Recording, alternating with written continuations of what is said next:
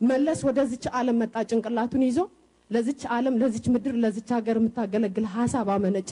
ለግሌ ለልጄ ለቤቴ ለቤተሰቦች ሳይል ግን ያረፈ ነው። ይሄ ልዩ መለያው አንድ ቀን ስለ ራሱም ስለ ቤተሰቡም ስለ ምናምንም ነገ ምን ይሆናሉ ሳይል እንዲሁ ያደረፈ ነው። እዚህ በዚሁ በአራት ሺህ ነው ስድስት ሺህ ደሞዝ በፔሮል የሚከፈል የሀገር መሪ መለስ ብቻ ነው የነበረው። ኢህአዴግ መዋጮ ተቆርጣ አራት ሺህ ስንት ነች የምትደርሰው? እሷ ብቻ በዚህ መተዳደር በመቻሉ እኛ እንኮራበታለን ስለሚባለው አይደለም። ይሄ ልዩ መለያው እንደሆነ ሳይስገበገብ አንድ ቀን ሳያቅማማ በግለኝነት እንትን ሳይፈታተነው እንዲሁ ድህነትን ለመታገር በቁርጠኝነት ያለፈ መሪ እንደሆነ ተሰምሮ መቀመጥ ያለበት መስሎ ይሰማል። እባክህ ተው አዜብ ምናምን ይለኛል። በሶስት መቶ ብር ነው የምኖረው በሁለት መቶ ምናምን ትላለች። ያልጠየቋትን ትለፈልፋለች። እሷ በሁለት መቶ ብር ነው እንደ አሜሪካ በየወሩ የምትመጣው። ምን ምን አይነት የምን ገንዘብ ነው? እኔ እሱ አይደለም እኔ ችግር የለብኝም ስለሱ ጉዳይ። እኔ አሁን ዝርዝር ይሄ minor የሆኑ ነገሮች ውስጥ ገብተን መወያየት የለብንም። ይሄ distract የሚያደርግ ነገር ነው። ተዉት። ይሄ ይሄን የሚገዛ ሰው ካለ ይግዛ፣ stupid ሰው ካለ እንጂ አራት አራት ሺህ ብር ደሞዝተኛ የመቶ ሺህ ብር ቦርሳ የምትገዛ ሴትዮ አራት ሺህ ብር ምናምን ትላለች። በቃ ይሁን። First of all የምትሰጣቸውን comment ኦች backfire የሚያደርግ ነው። መለስ መንጃ ፈቃድ የለውም፣ ባንክ አካውንት የለውም፣ ምንም ነገር አላወራም። ምን ማለት ነው? ቤተሰቡን take care የማያደርግ መሪ ምን አይነት እንዴት ነው መንጃ ፈቃድ የሌለው መሪ የሚኖረው በዓለም ላይ እንዴ? እንዴት ነው ባንክ አካውንት የሌለው መሪ የሚኖረው? irresponsibility ነው። ቤተሰብህን handle ማድረግ አለብህ። ለቤተሰብህ ጡረታ እንትን ማዘጋጀት አለብህ። መታወቂያ ሊኖር ይገባል። መታወቂያ የሌለው መሪ ነው እንደዚህ ሲመራ የነበረው። ምንድን ነው እያወሩ ያሉት? ስለ ገንዘብ ትርጉም የማያውቅ መሪ ነው። እንዴት ነው ስለ ገንዘብ ትርጉም የማያውቅ መሪ ስለ ሀገር ገንዘብ ሲወስድ የነበረው? ይሄ ጥሩ ነገር አይደለም። ጥሩ comment አይደለም። ለምን ይሄን እንዴትና እንዴት ለመናገር እንደፈለገች ለምን ተይ እንዳላሏት አልገባኝም። positive ነገር አይደለም እንዴ! እንዴት ነው መንጃ ፈቃድ መታወቂያ ሳይኖር ቤተ መንግስት የምትገባው? ይቻላል እንዴ? ማንነቱ አይታወቅም። በቃ ID card የለውም ማለት ነው።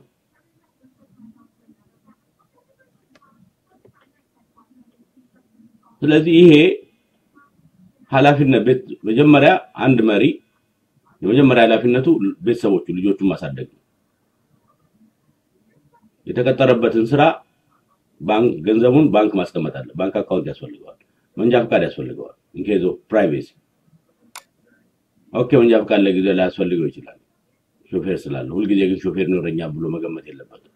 ይሄ የሚያሳየው ዘላለም መታወቂያዬንም driving license ሳልጠየቅ እኖራለሁ ከሚል ስልጣንን ዘላለማዊነት ዘላለማዊ አድርጎ ለመያዝ ከሚፈልግ ሰው ነው። የአምባገነኖች ባህሪ ነው።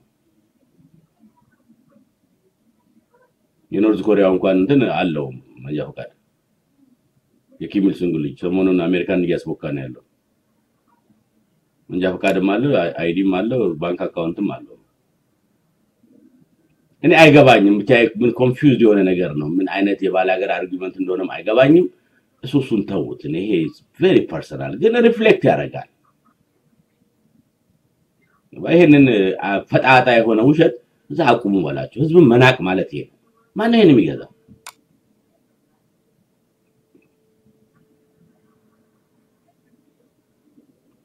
ይሄን defend የሚያደርግ ሰው ይኖራል እኮ እዚህ room ውስጥ። አዎ አራት ሺህ ነው የሚኖሩት። አራት ሺህ ብር ኢትዮጵያ ውስጥ ልንገርህ ሁለት ጊዜ ነዳጅ መሙላት አችልም። SUV ካለ ሁለት ጊዜ አንድ ጊዜ መኪና ነዳጅ ለመሙላት ሁለት ሺህ ምናምን ብር ነው የሚፈጀው። አይደለም ግብረ ገብ ሁለት ሺህ ብር ነው ነዳጅ ለመሙላት። SUV ነው የሚነዱት። ሁለት ጊዜ ከሞላ አራት ሺህ ጎን እና በአስማት ነው የምትኖረው። እሷ ገንዘብ ይመስላት በቼክ የሚሰጥ ሀዋባት የቤተ መንግስት ኦዲት የማይደረገው ገንዘብ የማይወራረድ እኮ ሂሳብ አለ ቤተ መንግስት ውስጥ በሚሊዮን የሚቆጠር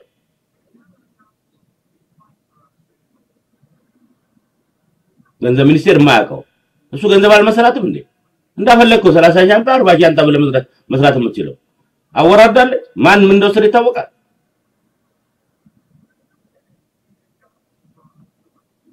How ኤፈርት ምንድን ነው? የኤፈርት ስራ አስኪያጅ አይደለችም እንዴ?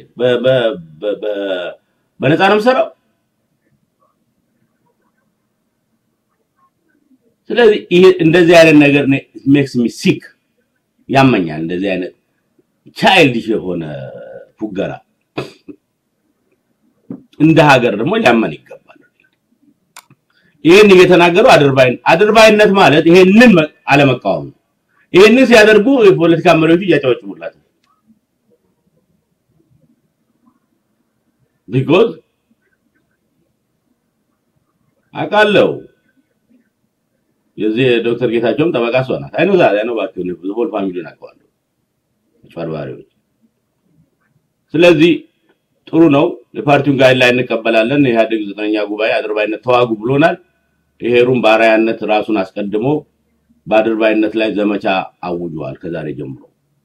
ስለዚህ እዚህ room ውስጥ ያለ ምክንያት አድርባይ የሆነ idea የምሰጡ ሰዎች harass ትደረጋላችሁ። እዚህ room እኔ ራሴን harass ማድረጋቸው የምታምኑበትን ሰው ሊያምን የሚችል ነገር ይዛችሁ ነው እዚህ ውስጥ at least ውጭ ሀገር ያለን ሰዎች እንኳን ከአድርባይነት እንጽዳ። እኔ extremism promote ማድረግ አይደለም። ለሀገራችን የምናስብ ከሆነ ጥሩን ነገር ጥሩ ነው ብለን መጥፎውን ነገር ደግሞ ያለ ርህራሄ እንዋጋ። ጥሩ ጥያቄ ነው። are you free እኔ free ነኝ አላልኩም። ኢትዮጵያ ከኔ ጋር አይደለም ውድድሩ፣ መለኪያውም አይደለሁም በጸረ አድርባይነት። ምናልባት most አድርባይ ሊሆን ይችላል። ቶ ከኔ ጋር ራስን clear አድርግ። I will try to adjust myself እኔ ወደኋላ ማስብ ሰው አይደለሁም። እኔ proactive ሰው ነኝ፣ flexible ሰው ነኝ።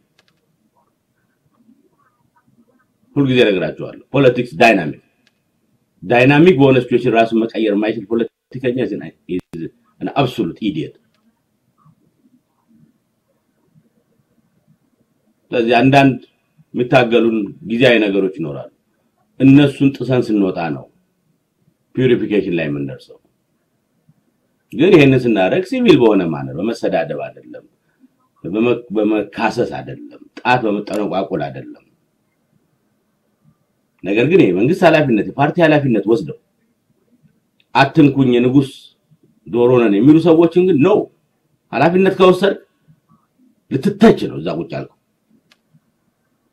እና የሁሉ ህዝብ አይኑ አንተ ላይ መሆኑን ማወቅ አለበዚያ resign አለ የዚህ አይነት አሰራር ነው መኖር ያለበት በየክልሉ በየወረዳው በየአውራጃው በክልል በፌዴራል government በሚኒስትሮች ምክር ቤት በተወካዮች ምክር ቤት በፌዴራል ምክር ቤት በፓርቲ ውስጥ በሚዲያ ውስጥ ያሉት ሰዎች በአጠቃላይ focus ያስፈልጋቸዋል። ራሳቸውን ነፃ ማድረግ አለባቸው።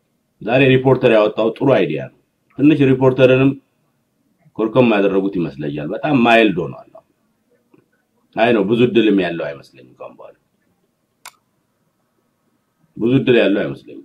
ያ አዳነ እንጂ በአይናው ብዙ ነገር ይጽፍ ነበረ። የዛሬውን አይቼው politically correct ለመሆን ሲጠነቀቅ አየሁት። ያሳዝናል። ምክንያቱም ምናልባት አይዞ ይሉት የነበሩ ሰዎች ውስጥ የተወሰኑት በመተካካት ወጥተዋል ማለት ነው። ስለዚህ balance of force ተቀይሯል ማለት ነው። we'll see በዚህ ግን የሚቆም ነገር ያለ አይመስለኝም። ይገባል አዳነ።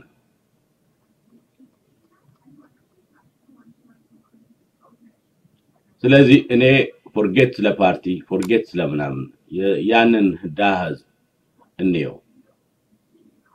እዚህ ከዲያስፖራ ሄደው የሚያጭበረብሩ ማዕት ሌቦች አሉ። የእነሱ ፕሮጀክት ከተሳካላቸው ይሄ መንግስት ፀሐዩ መንግስት ነው። ህዝብ እያለቀ ህዝብ በፍትህና በአስተዳደር ሲበደል እያዩ ጀስቲፋይ ሊያደርጉ የሚፈልጉ አጭበርባሪ ምሁሮች ከዚህ እየተሰደዱ ነው ያሉት።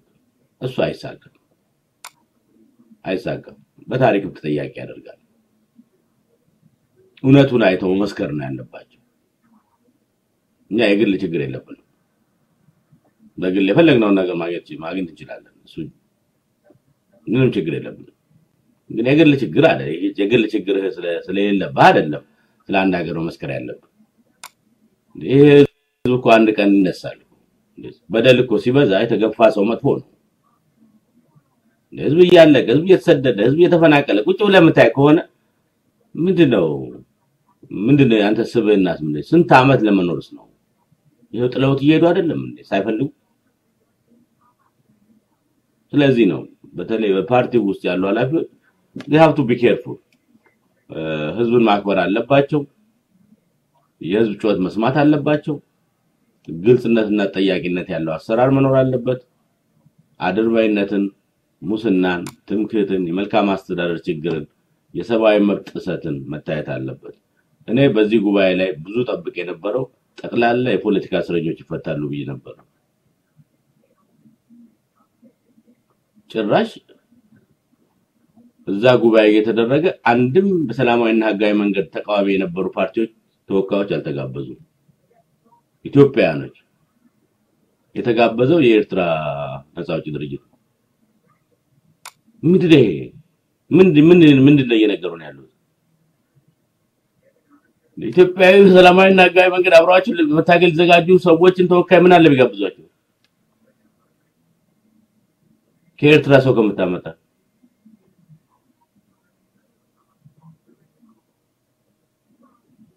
shame